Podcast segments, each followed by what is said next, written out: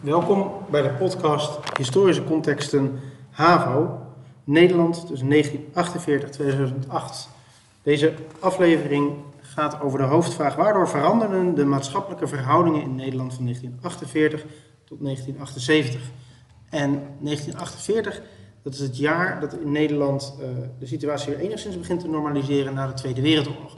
Kijken we eventjes terug naar hoe uh, staat Nederland ervoor in 1948. Moet je weten wat er daarvoor gebeurd is. Er is natuurlijk een Tweede Wereldoorlog geweest. En die Tweede Wereldoorlog die was ook voor Nederland heel erg heftig. Nou is het wel zo dat in het uh, oosten van Europa, landen als, uh, als Polen um, en uh, de toenmalige Sovjet-Unie, die Tweede Wereldoorlog nog ontzettend veel heftiger was. Grotere ver, verwoestingen, veel grotere moordpartijen ook op de, op de bevolking daar. Maar ook hier in Nederland heeft de oorlog zwaar, zwaar toegeslagen. Duitsers hebben natuurlijk een hele, bijna een volledige bevolkingsgroep in Nederland uitgemoord, Joden. En ook Roma en Sinti zijn heftig vervolgd geweest. En daarnaast is Nederland ja, verarmd, verzwakt, deels verwoest. En wat voor Nederland ook heel duidelijk bleek is dat de neutraliteitspolitiek die ze tot de Tweede Wereldoorlog hadden gevoerd, eigenlijk gewoon geen stand meer kan houden. Nederland heeft niet deelgenomen aan de Eerste Wereldoorlog, is daar buiten gebleven, is neutraal gebleven. En de verwachting was dat het in de Tweede Wereldoorlog ook zou zo zou zijn. Maar dat is juist niet het geval. Duitsland valt gewoon Nederland binnen om zo makkelijker ook Frankrijk in te kunnen. En Duitsland uh, gaat Nederland inzetten als een windgewest. Duitsland onderdrukt de Nederlandse bevolking en vermoordt dus ook een deel van die Nederlandse bevolking. En dat zorgt er tijdens de Tweede Wereldoorlog voor dat er een verzetsbeweging op gang komt. Enerzijds om uh, zich te verzetten tegen de Duitse bezetter, ook om uh, met name Joden te laten onderduiken. En later in de oorlog, als de arbeidseinsatz effectiever, in, effectiever en uh, grootschaliger wordt, dan gaan steeds meer Nederlandse jonge mannen onderduiken om niet in Duitsland te werk gesteld te, te hoeven worden. En er ontstaat er ook een steeds grotere ondergrondse organisatie. En die ondergrondse organisatie, en dat is op dat moment voor Nederland heel bijzonder, die gaat door de zuilen heen. Dus communisten en socialisten en katholieken en protestanten die werken met elkaar samen. En um, daar, dat levert de doorbraakgedachte op. Het idee dat er um, na de Tweede Wereldoorlog een Nederland komt dat niet zo ontzettend streng verzeild is. Want ga even na, in de 19e eeuw ontstaan die zuilen en dat wordt dan helemaal eigenlijk voltooid in 1917 als het, het bijzonder onderwijs, dus het, het christelijk of uh, onderwijs ook bekostigd wordt door de overheid. Dan heb je protestanten, socialisten, katholieke liberalen die eigenlijk alleen maar met elkaar omgingen. In heel veel plaatsen in Nederland was het, um, was het zo dat je kinderen die gingen naar een protestantse school, je kocht je brood bij een protestantse bakker, je was lid van een protestantse voetbalvereniging en dergelijke. Dus het leven dat was heel, um, dat speelde zich helemaal af binnen die zuil, binnen die katholieke zuil, binnen die socialistische zuil, binnen die protestantse zuil. Daar luisterde je ook naar de radio naar. En in die Tweede Wereldoorlog ontstond het idee, misschien kan het wel anders. Maar eigenlijk snel na de Tweede Wereldoorlog dan uh, herstellen die zuilen zich. Er is een, een doorbraakpartij, de PvdA, Partij van de Arbeid. En die uh, wil eigenlijk al die groepen met elkaar verenigen, maar dat gaat heel snel al mis. Dan uh, stappen daar ook, ook mensen uit die bijvoorbeeld de VVD oprichten. En Nederland wordt eigenlijk na de Tweede Wereldoorlog weer net zo verzeild als dat het was voor de Tweede Wereldoorlog. En in Nederland breekt dan een periode aan van de wederopbouw. Nederland was verwoest, veel bruggen, veel infrastructuur was kapot gemaakt. Aantal, nou, de stad Rotterdam is natuurlijk heel heftig gebombardeerd geweest. In het zuiden, onder de grote rivieren, is tijdens de slag om Arnhem uh, is een enorme, zijn enorme verwoestingen aangericht. En ook op andere plekken in Nederland um, zijn veel veel huizen geraakt door bommen. Veel goederen zijn ge, ingepikt door Duitsers. En natuurlijk een hele bevolkingsgroep, Joden en Roma en Sinti, die vrijwel volledig verdwenen zijn uit de Nederlandse samenleving. En als zij terugkomen uit de concentratie- en vernietigingskampen, dan worden ze meestal eigenlijk ook verre van uh, hartelijk ontvangen. Er is dan uh, geen aandacht voor, want het is hier in Nederland al zwaar genoeg, wordt er gezegd.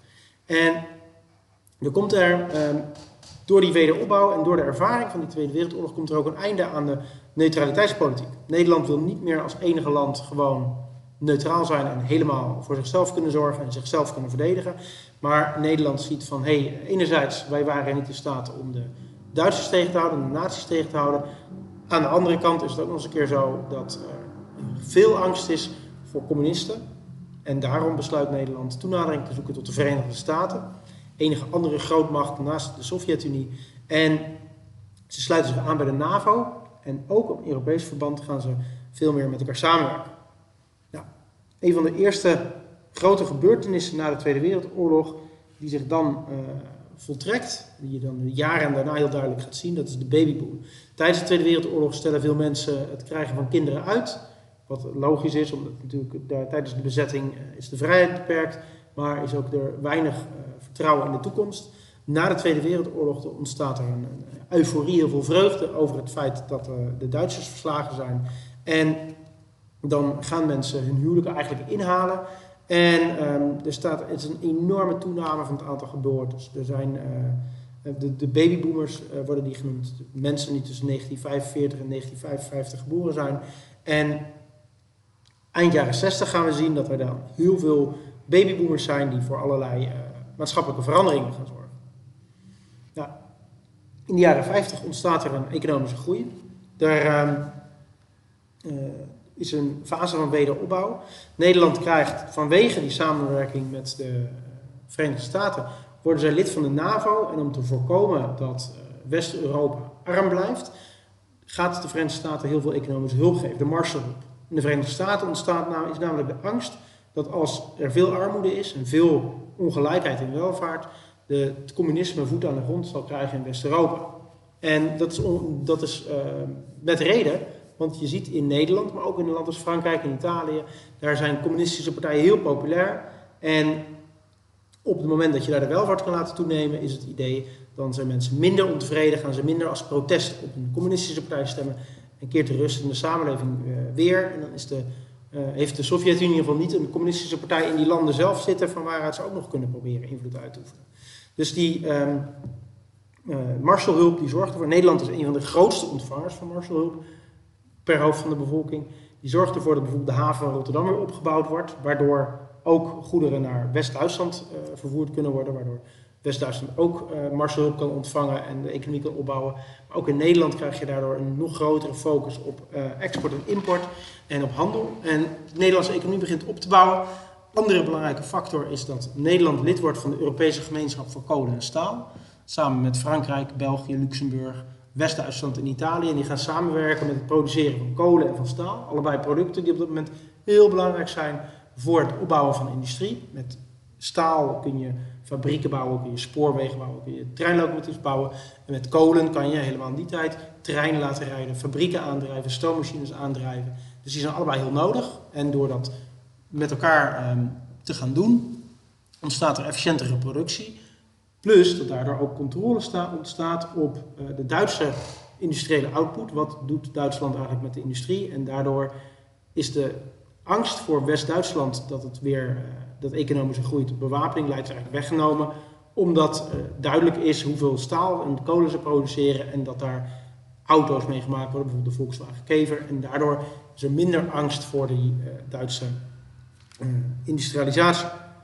In Nederland zelf zijn het in de eerste jaren na de Tweede Wereldoorlog vooral de PvdA, de Sociaaldemocraten en de Rooms-Katholieken, die op dat moment de partij, de KVP, de Katholieke Volkspartij, uh, zitten, die werken met elkaar samen, die vormen een coalitie en die hebben eigenlijk twee uh, hoofddoelen: solidariteit en zorg van elkaar, voor elkaar. En door die, uh, door die combinatie, die Sociaaldemocraten leggen grote nadruk op het ontwikkelen van een verzorgingsstaat. En de KVP, die wil dat op zich ook wel, maar die wil tegelijkertijd hebben die hele grote nadruk op Europese samenwerking en um, op aansluiting bij de Verenigde Staten. En een van de maatregelen die ze nemen om de economie op te bouwen is wat we noemen geleide loonpolitiek. Ze zeggen van joh, wij controleren als overheid de lonen, we houden de lonen laag. En doordat die lonen laag zijn, is het verhoudingsgewijs voor andere landen goedkoop om producten uit Nederland te kopen. Omdat die uh, vanwege die uh, lage lonen de producten behoorlijk goedkoop zijn. Doordat dus die producten behoorlijk goedkoop zijn voor andere landen, kan Nederland veel exporteren. Nederland is goedkoop. En daardoor neemt de werkgelegenheid toe, want de vraag naar Nederlandse producten stijgt omdat die prijs laag is. Daardoor komt er meer werk, daardoor kan er weer meer geïnvesteerd worden in fabrieken. En zo uh, neemt de werkgelegenheid weer toe. In die tijd, eind jaren 40, begin jaren 50, is het heel belangrijk, helemaal als je bedenkt dat de Tweede Wereldoorlog geweest was, dat natuurlijk een zware tijd was. Maar de jaren voor de Tweede Wereldoorlog zijn de jaren van de grote economische depressie. Dus ook toen was er veel werkloosheid, ehm, veel ellende en er werd eigenlijk ook niet heel goed voor eh, mensen gezorgd. Er waren er weinig sociale voorzieningen. Dus ehm, dat er vooral gestreefd wordt naar veel werk, eerder werk dan een hoog loon, dat is in die tijd ook wel heel logisch. En daarnaast krijgt Groningen, eh, krijgt Nederland een, een cadeautje, eind jaren 50, als bij Slochteren een grote, hele grote aardgasbel ontdekt wordt. En daardoor heeft de overheid hele grote aardgasinkomsten. En die kunnen ze ook gebruiken om dat te exporteren en daarmee ook invloed in andere landen een beetje eh, te krijgen. Nou, Nederland groeit economisch dus heel sterk. Nederland wordt rijker. En door dat rijker worden, wordt langzaamaan die geleide loonpolitiek wordt ook voorwel gezegd. Daar komt een, uh, er komen loonrondes, de loonstijgingen van 6, 7, 8, 9 procent. En dat een aantal jaar na elkaar. Dus dat heeft een enorm uh, effect op die lonen. En daarmee heeft het een enorm groot effect ook op de bestedingskracht van huishoudens. En daarnaast door technologische innovatie verandert er binnen die huishoudens ook iets. Want de dingen die mensen kunnen kopen met hun geld, die zijn opeens ook veel technologischer. Huishoudens kunnen koelkasten kopen, auto's kopen, radio's kopen, stofzuigers kopen, televisies kopen, ook eind jaren 50. En zo wordt Nederland steeds meer een consumptiemaatschappij. Je wil graag een dure auto voor je deur zetten, zodat je kan laten zien dat je voldoende inkomen hebt. Als jij als enige in de straat over een televisie beschikt, dan uh, levert het ook status op. En dankzij koelkast en stofzuiger is het doen van het huishouden voor toch meestal de moeder die thuis is ook veel minder werk geworden. Daarnaast, door die uh, gestegen welvaart, ontstaat er ook ruimte om mensen meer dagen vrij te geven. Dus mensen krijgen steeds langere betaalde vakanties. En in de jaren 60 wordt het weekend ook uh, volledig. Tot die tijd was het eigenlijk zo of je op de middelbare school zat, of dat je werkte, dat je op de zaterdagochtend nog werkte. Dat gaat eraf, dus de werkweek wordt maar vijf dagen. Er komt een betaald recht op vakantiedagen. Mensen die vanwege hun uh, extra inkomen kunnen mensen ook geld uitgeven aan auto's, aan tenten, Um, en zo kunnen ze op vakantie gaan. En daardoor um, neemt de welvaart toe. Door die auto's kunnen mensen ook weer uh, verder weg van huis gaan wonen, van hun werk gaan wonen. Waardoor huizen en uh, wonen en werken meer van elkaar uh, gescheiden raakt. Dan krijg je grote buitenwijken waar mensen in gaan wonen. En eh, nieuwbouwwijken, grote forense gemeentes waar mensen gaan wonen. En die krijg je dus een enorme welvaartsgroei. Wat belangrijk is, wat die welvaartsgroei ook met zich meebrengt, is het idee om een, dat Nederland maakbaar is, dat de samenleving maakbaar is. En de overheid denkt, en dat is natuurlijk ook een heel sociaal-democratische gedachte, dat de, over, de samenleving fundamenteel tot in de basis beter gemaakt kan worden door de juiste maatregelen te nemen, de juiste wetten aan te nemen, het juiste beleid te voeren. En door die groeiende economie, door die groeiende welvaart, Um, door die inkomsten van het gas ook en die lage werkloosheid, is het ook mogelijk. Er komen allerlei volksuitkeringen, sociale wetten, zoals de AOW, de Algemene Ouderdomswet in 1957, waarbij iedereen boven op dat moment 65 jaar een gegarandeerd basisinkomen eigenlijk krijgt. En zo ook als je geen pensioen hebt opgebouwd, ben je zo toch verzekerd van een inkomen als je niet zo oud bent dat je niet meer kan werken. En dat is voor die mensen ontzettend fijn dat het eindelijk kan. In 1963 ontstaat er, komt de, de, wordt de bijstand ook ingevoerd, waarbij mensen die geen werk kunnen vinden of niet in staat zijn um, uh, te werken, dat daar ook een minimuminkomen voor is, zodat, zij ook, uh, zodat ook voor hen gezorgd wordt.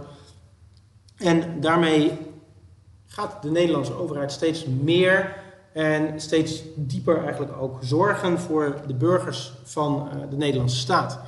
Heel belangrijk daarachter is ook de gedachte, en dit zijn natuurlijk politici en uh, ook trouwens heel veel burgers die die crisis van de jaren 30 en daarna de oorlog van de 40 tot 45 hebben meegemaakt. Het idee dat je um, als overheid moet zorgen dat die economie niet al te hard uh, effect kan hebben op het leven van mensen. En ze gaan, wat we noemen ook wel een, een Keynesiaans beleid voeren.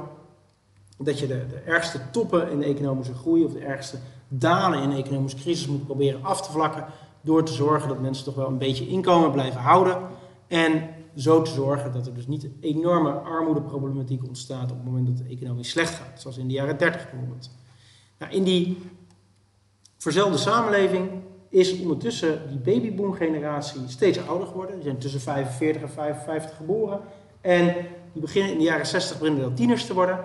En dat zijn, die zijn opgegroeid in een samenleving die steeds rijker werd. Een samenleving waar consumptie ook steeds belangrijker werd. Consumptie werd belangrijker en die, daarmee werd dus eigenlijk je levensbeschouwelijke grondslag, dus het feit of je protestant of katholiek of liberaal of socialistisch was, werd minder belangrijk. En daardoor krijg je eigenlijk ontzuiling. Bijvoorbeeld door de televisie. Mensen die kijken niet meer alleen maar naar een protestantse televisiezender of naar een socialistische televisiezender. Maar die vinden dat zo mooi. Er is maar, in de eerste jaren is er maar één zender. Die blijven gaan elke avond de televisie kijken. Of het nou een protestantse, katholiek, socialistisch of liberaal programma is. En daardoor krijgen zij meer mee van wat er in de andere zuilen zich afspeelt. En zien ze ook dat die mensen toch eigenlijk meer op elkaar lijken dan dat, uh, dan dat ze dachten.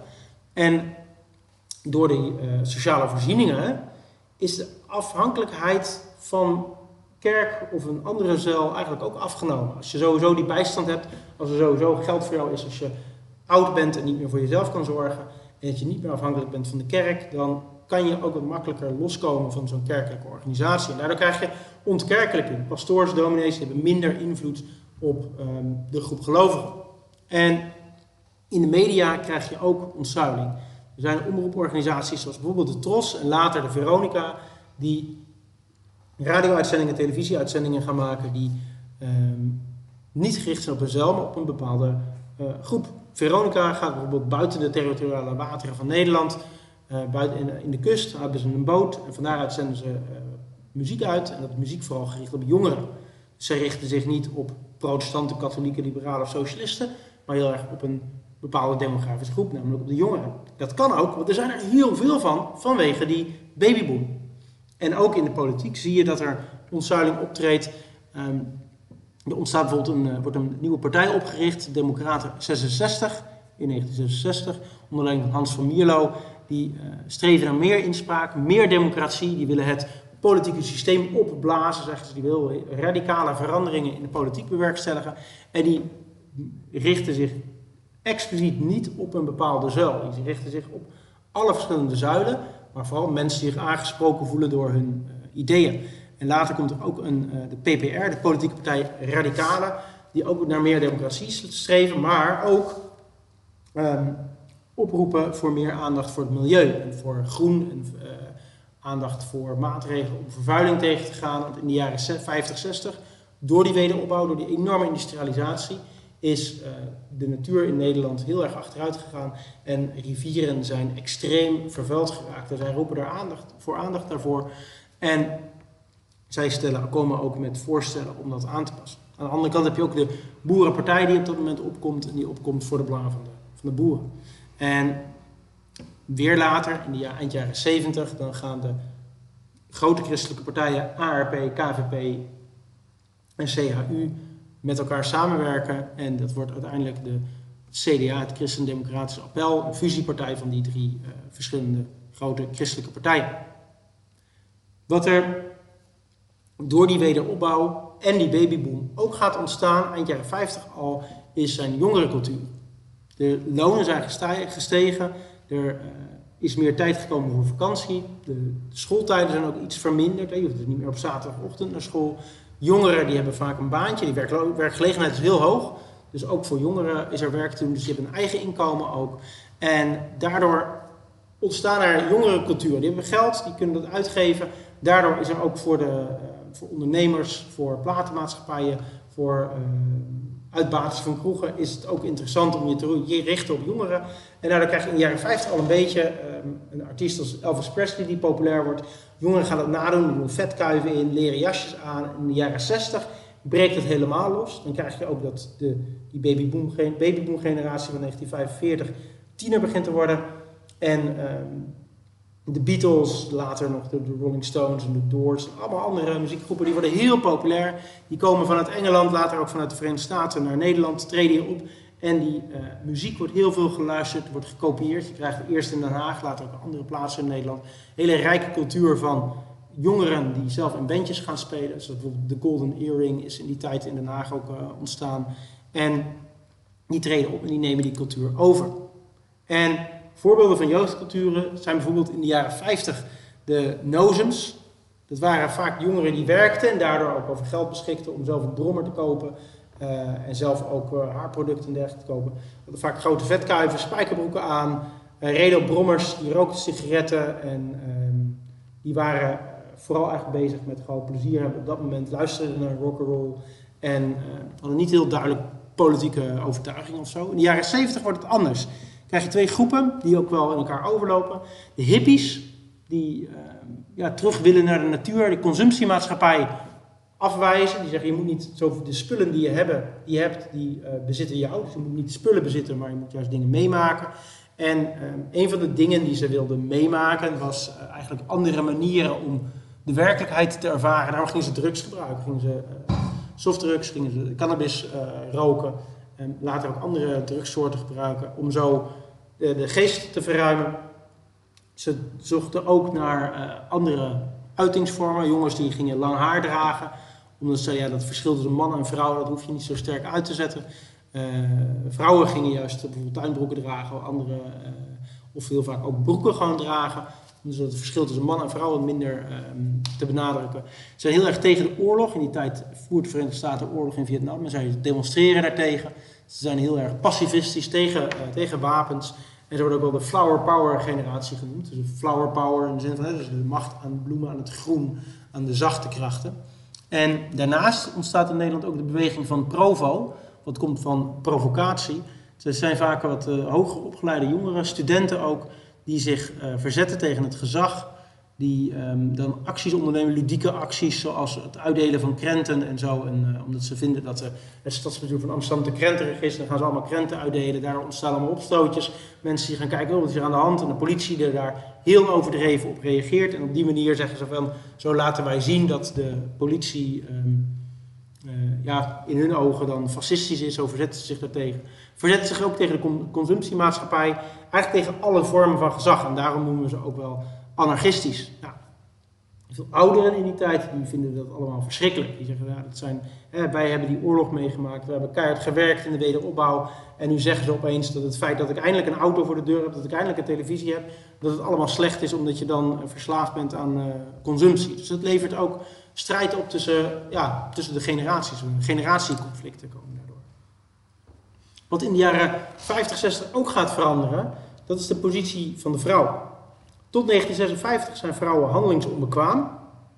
Als jij bij de overheid werkt als vrouw en je trouwt, dan moet je ontslagen worden. Je mag niet als getrouwde vrouw bij de overheid werken. En als jij getrouwd bent als vrouw, dan heb je voor zaken, contracten, uh, tijdschriftabonnementen, wat dan ook, heb je toestemming nodig van je man. Dus dan blijf je eigenlijk als vrouw, zodra je getrouwd bent, ben je een soort van, van kind. En in 1956 wordt het afgeschaft en krijgen vrouwen wat dat betreft gelijke rechten. Dus je kon als getrouwde vrouw blijven werken in overheidsdienst. Veel vrouwen die werkten bijvoorbeeld in de zorg of het onderwijs. En uh, die werden dan ontslagen als ze trouwden. Dat hoeft niet meer, dus dan uh, konden die ook gaan werken. Er komt ook een uh, nieuwe echtscheidingswet en nieuwe onderwijswetten. En door die echtscheidingswet is het mogelijk om zelf een echtscheiding aan te vragen en recht te claimen op alimentatie. Ze zegt, ja, mijn man onderhield me altijd, ik ga nu scheiden, dus mijn man moet me blijven onderhouden. En tot die tijd had je toestemming nodig van je man en er was uh, geen recht op alimentatie. Sterker nog, eigenlijk moest je aantonen dat uh, ofwel een van de twee huwelijkspartners vreemd was gegaan, ofwel uh, dat er sprake was van uh, misbruik of geweld. En dat zorgde er bijvoorbeeld voor dat als jij al uh, je partner kon overhalen om te gaan scheiden, dan moest een van de twee gaan zeggen: Ja, ik ben vreemd gegaan, ook al was dat niet het geval, omdat je anders niet een, een grond had waarop dat mocht. Dan zou de rechter de echtscheiding niet toestaan.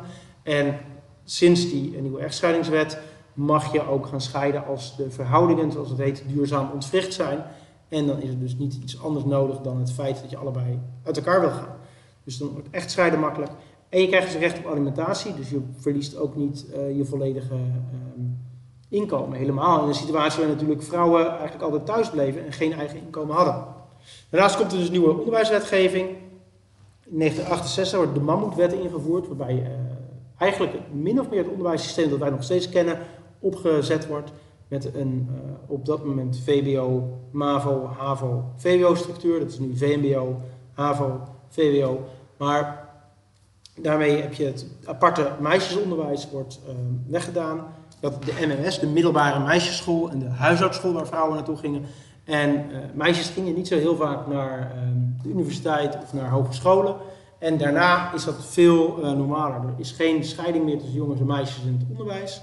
En vrouwen kunnen dus gewoon naar eh, de HAVO, naar het VWO, kunnen dan daarna naar de hogeschool, tegenwoordig het HBO of naar de universiteit. En daardoor gaan er veel meer vrouwen studeren en krijgen dus veel hoger opgeleide vrouwen. Ook heel belangrijk, eind jaren 50, is de introductie van een anticonceptiepil. Daarvoor is er eigenlijk nauwelijks een, uh, een, een, goed werkend voorbehoedsmiddel. De, condooms die uh, worden soms uh, onder de toonbank stiekem verkocht, worden gebruikt, zijn vrij duur. En um, die vereisen natuurlijk ook de medewerking van je mannelijke partner als je seksuele omgang hebt. En daarnaast waren er niet heel veel uh, anticonceptiemiddelen. En abortus was al helemaal niet toegestaan. Dus gezinnen waren groot. Uh, en het, dat sloot ook wel aan bij uh, de grootste bevolkingsgroepen van Nederland, protestanten en katholieken. Die vonden ook dat seks niet recreatief diende te zijn, maar dat je seks moest hebben voor um, voortplanting. Dus sowieso, seks is iets van man en vrouw binnen het huwelijk met als doel kinderen krijgen. Daardoor kreeg je ook grote gezinnen, nou, we hebben dat ook gezien bij die babyboom. Maar door de pil, de anticonceptiepil, is het mogelijk om aan geboorteplanning te gaan doen. Om te zeggen, in samenspraak met je partner, maar als vrouw ook afzonderlijk, want je kan natuurlijk de pil slikken zonder dat uh, je partner dat doorheeft, um, is het dus ook mogelijk om het aantal kinderen wat je krijgt veel erg, heel erg te beperken. Waardoor je als vrouw veel meer een individu wordt en veel minder alleen maar als moeder gezien wordt. Gevoegd bij al die huishoudelijke apparaten die het werk voor een vrouw in huis lichter maakten, ontstond er ook de mogelijkheid, veel meer mogelijkheid in ieder geval voor vrouwen, om zich meer te ontwikkelen naast alleen maar de zorg voor het gezin en de zorg voor het huis. En dat uh, zijn niet zomaar ontwikkelingen, dat zijn ook ontwikkelingen die door mensen zelf, door vrouwen zelf ook heel erg uh, gestimuleerd worden. De organisatie Man-Vrouw Maatschappij wordt opgericht door uh, Joke Smit en Hedy Dancona, die willen gelijkstelling van vrouwen in arbeid en onderwijs. Die willen uh, ook een voorrangingsbeleid, dus een positieve discriminatie. Iets wat nog steeds wel uh, veel speelt, omdat de gelijke positie tussen man en vrouw in heel veel terreinen nog steeds niet terug te zien is. En zij proberen wetgeving veranderd te krijgen. Ze proberen druk uit te oefenen op politieke partijen, op bedrijven, om veran voor veranderingen te zorgen, waardoor de positie tussen van man en vrouw gelijker wordt. Daarnaast heb je een andere groep, de Dolomina's, genoemd naar Wilhelmina Drucker, radicale feministe eind 19e eeuw, die uh, veel activistischer zijn, die gaan demonstreren, die gaan uh, bijvoorbeeld openbare toiletten waar alleen maar urinoirs zijn, dus alleen maar voor mannen, die gaan zij uh, blokkeren om te zeggen, ja, als wij nergens in het openbaar kunnen plassen, dan kunnen mannen dat ook niet. En zij gaan ook heel actief strijden voor betere abortuswetgeving, dat abortus uh, niet meer strafbaar is. En uh, uiteindelijk in de jaren 70 uh, krijgen ze dat, dat langzaam aan voor elkaar. Um, om te zorgen dat abortus ook veiliger is. En uh, baas in eigen buik is dan het, het, motto. En er zijn politici zoals Marga Complee van de KVP, de eerste vrouwelijke minister. Onder andere verantwoordelijk voor het invoeren van de bijstandswet. En die zorgen voor een hoge, betere positie voor de vrouwen. Nou, Nederland in die jaren, dat verandert niet alleen als het gaat om jongeren, en mannen en vrouwen. Maar er vindt ook een andere grote verandering in Nederland plaats. En dat is, het gaat om emigratie en immigratie. Eind jaren 40, dan is er veel angst voor een inval van de Sovjet-Unie. Die Koude Oorlog die begint. En uh, de angst dat de Sovjet-Unie ook nog het westen van Europa wil gaan veroveren is heel groot. De angst dat er een atoomoorlog komt tussen de Verenigde Staten en de Sovjet-Unie is groot. Dus er zijn veel mensen in Nederland die denken, ja, eigenlijk zit ik in Nederland niet goed.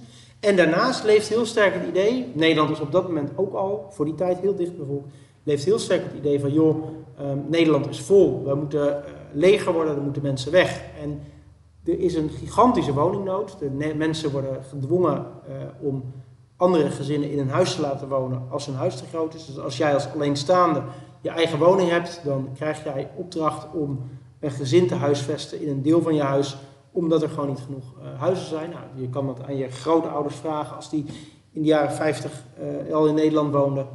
Dikke kans dat zij ook meegemaakt hebben dat zij zelf uh, ergens geplaatst werden of dat zij mensen over de vloer kregen die ook bij hun thuis ook moesten gaan wonen, omdat er anders gewoon geen plek is. Dus een heel ingrijpende maatregel is dat natuurlijk. En zo werd er, werden mensen gestimuleerd om eigenlijk Nederland te verlaten, om zo te zorgen dat er minder zodat Nederland minder vol zou zijn. En dat was met name richting boeren, werd dat heel veel gedaan. Boeren werden gestimuleerd om Nederland te verlaten en naar bijvoorbeeld Nieuw-Zeeland, Australië, Canada of de Verenigde Staten te gaan, waar veel meer ruimte was en waar op zich ook wel opnamecapaciteit was voor die boeren. En er gingen bijvoorbeeld 150.000 mensen ongeveer naar uh, Canada, rond de 100.000 naar Australië, de Verenigde Staten en ongeveer 50.000 naar Nieuw-Zeeland. En die gingen daar wonen en die gingen daar een, uh, vaak een boerderij beginnen. En um, die hielden nog wel contact met Nederland. Maar het Nederland dat zij verlieten vlak na de Tweede Wereldoorlog, dat was een Nederland dat bang was voor een atoomoorlog. Grote woningnood, grote economische problemen, lage lonen vanwege die geleide loonpolitiek. Maar vanaf de jaren 50, als die economie gaat groeien, dan ontstaat er juist een grote uh, vraag naar arbeidskrachten. En Nederland wordt uh, een immigratieland. In plaats dat de mensen Nederland uitgaan als emigrant, komen mensen juist Nederland in. De eerste stroom immigranten die uh, komen vlak, na de Tweede Wereldoorlog, als uh, Indonesië onafhankelijk wordt. Dan zijn dat Indo's, mensen van een gemengde Nederlands-Indonesische afkomst, die bang zijn dat Sukarno hun gaat discrimineren of gaat vervolgen. Sukarno is de president van Indonesië als het onafhankelijk is geworden. Die zijn bang, die uh, Nederlandse Indonesiërs, die zijn bang dat zij uh, onderdrukt gaan worden door Sukarno en zij vluchten naar Nederland. Daarnaast heb je een groep Molukkers. Dat zijn Indonesiërs die op de Molukken wonen, dus een eilandengroep in Indonesië. En die wilden de Molukken onafhankelijk krijgen. En veel Molukkers die zijn protestant en die hebben uh, gevochten in het Koninklijk Nederlands-Indisch leger. En die zijn heel erg bang dat de rest van Indonesië hun gaat vervolgen. En zij roepen de Molukken ook als onafhankelijk land uit, met steun van Nederland. Alleen zij worden direct binnengevallen door het Indonesische leger. En Nederland zegt nou, um, wij vangen jullie wel op, tijdelijk. En als dan de Molukken weer onafhankelijk zijn, dan kunnen jullie weer terug. Maar de Molukken worden niet onafhankelijk. En de Molukkers die in Nederland opgevangen werden, die blijven twintig jaar lang in opvangkampen. Een van die opvangkampen, een heel groot opvangkamp, dat is, wat op dat moment wordt genoemd Schattenberg, maar dat was het kamp Westerbork, wat een doorgangskamp was voor Joden en Roma en Sinti, naar uh, de vernietigingskampen. En daarna worden daar, eind, van de, eind jaren 40, worden daar Molukkers opgevangen tot uh, diep in de jaren 60, jaren 70. Um, ehm, later komen er ook uh, immigranten naar Nederland uit een andere voormalige kolonie, Suriname. Dat wordt in 1975 onafhankelijk en er zijn veel Surinamers die denken van nou, laat ik ook maar een Nederlandse nationaliteit, een Nederlands paspoort halen voordat Suriname onafhankelijk wordt, zodat ik nog naar Nederland kan. En zo krijg je rond 1975 een grote groep Surinamers die naar Nederland komt. En als in 1980 Desi Bouterse in Suriname de macht grijpt, dan komt er nog een keer een hele grote groep Surinamers naar Nederland. En uh, die vestigen zich hier ook. Maar dat is niet alles. Door die economische groei krijg je ook nog dat een hele grote groep uh, mensen eerst uit het zuiden van Europa Spanjaarden, Portugezen en Italianen naar Nederland komen. En later mensen uit Turkije en Marokko die naar Nederland komen omdat zij geworven worden door Nederlandse bedrijven of op eigen initiatief hier naartoe komen. Omdat er gewoon enorme vraag is naar arbeidskrachten en er ook heel veel werk is wat uh, steeds minder gewild is door Nederlanders. Door, door, die economische groei, door die toename van die welvaart, is er zoveel werkgelegenheid dat uh, veel Nederlanders de, min of meer de banen voor het uitkiezen hebben. En die kiezen de banen die uh, niet heel zwaar zijn, waar je niet heel vies van wordt en waar de lonen hoog liggen. Dus veel fabrieken, met name veel grootschalige industrie, bijvoorbeeld de textielindustrie in Twente, ook wel de mijnen in, uh, in Limburg en uh, in de havens in Rotterdam en dergelijke. Daar is veel vraag naar arbeidskrachten, maar wel goedkope arbeidskrachten voor zwaar werk.